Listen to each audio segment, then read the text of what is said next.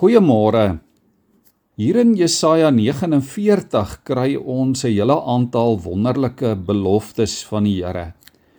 Jy kan gerus hierdie hele hoofstuk in Jesaja 49 ook so op jou eie gaan deurlees.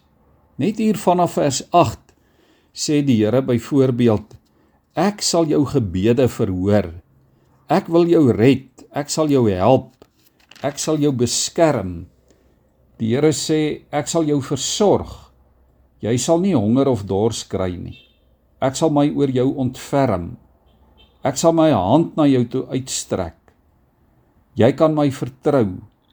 Jy sal nie teleurgestel word nie. Ek is die Here, jou redder en jou verlosser, die magtige God van Jakob. Ja vers 23 sê wie op my vertrou word nie teleurgestel nie. Liewe vriende, so dikwels en so maklik word jy en ek ontnigter wanneer ons op mense staat maak en mense nie hulle beloftes nakom nie. Ek is seker dat jy dit al beleef het dat jy byvoorbeeld vir iemand gesit en wag het en dan daag hy net nie op nie of hy verander van plan. Hy stel sy sy eie belange eerste. Om getrou en om toegewy te wees is nie vir almal 'n ewe belangrike prioriteit nie. Die Bybel sê mos ook ons moenie op prinses vertrou nie.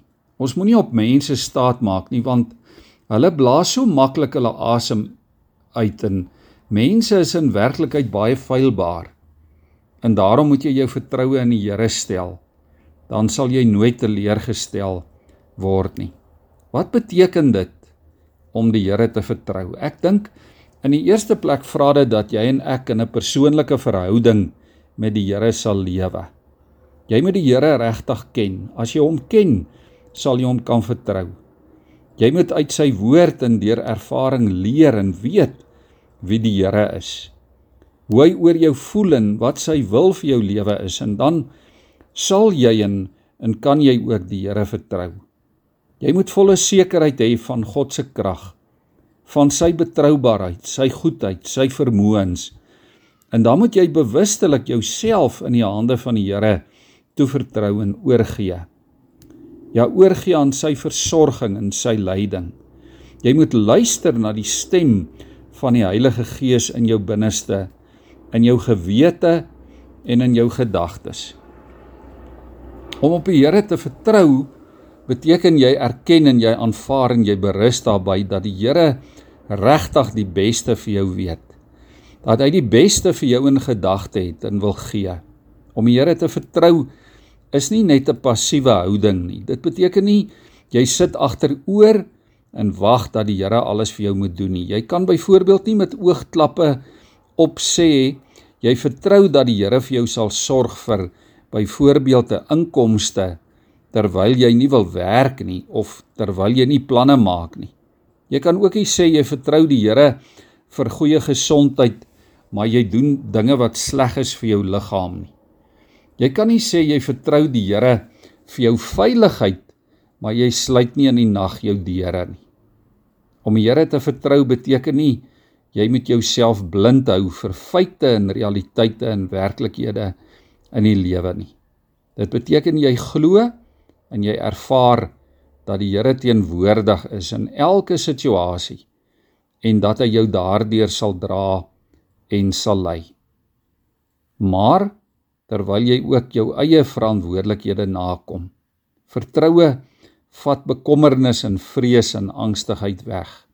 Vertroue bring vrede wat alle verstand te bowe gaan. En daarom vertrou op die Here. Hy sal jou verseker nie teleurstel nie.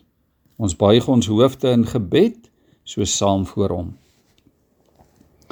Here, dankie dat ons vanmôre met sekerheid en met oortuiging kan weet, Here, omdat u woord dit vir ons beloof en verseker en omdat u Heilige Gees dit ook in ons harte en in ons lewens kom bevestig. Ja Here, ons kan weet dat u getrou is. U is die betroubare. U is die God wat nooit verander nie. Tot in ewigheid gister, vandag en altyd is U en bly U dieselfde. Here, dankie dat U vir ons goed wil wees. Dankie dat U ons wil seën. Dankie Here dat U U genade oor ons wil uitstort. Dat ons so bevoorreg is Here om te weet dat U net die beste vir ons wil gee. Here gee daarom dat ons U sal vertrou.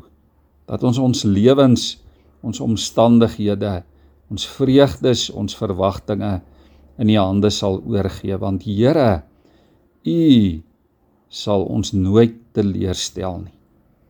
Dankie daarvoor. Ons bid dit en ons bely dit in die naam van Jesus ons koning.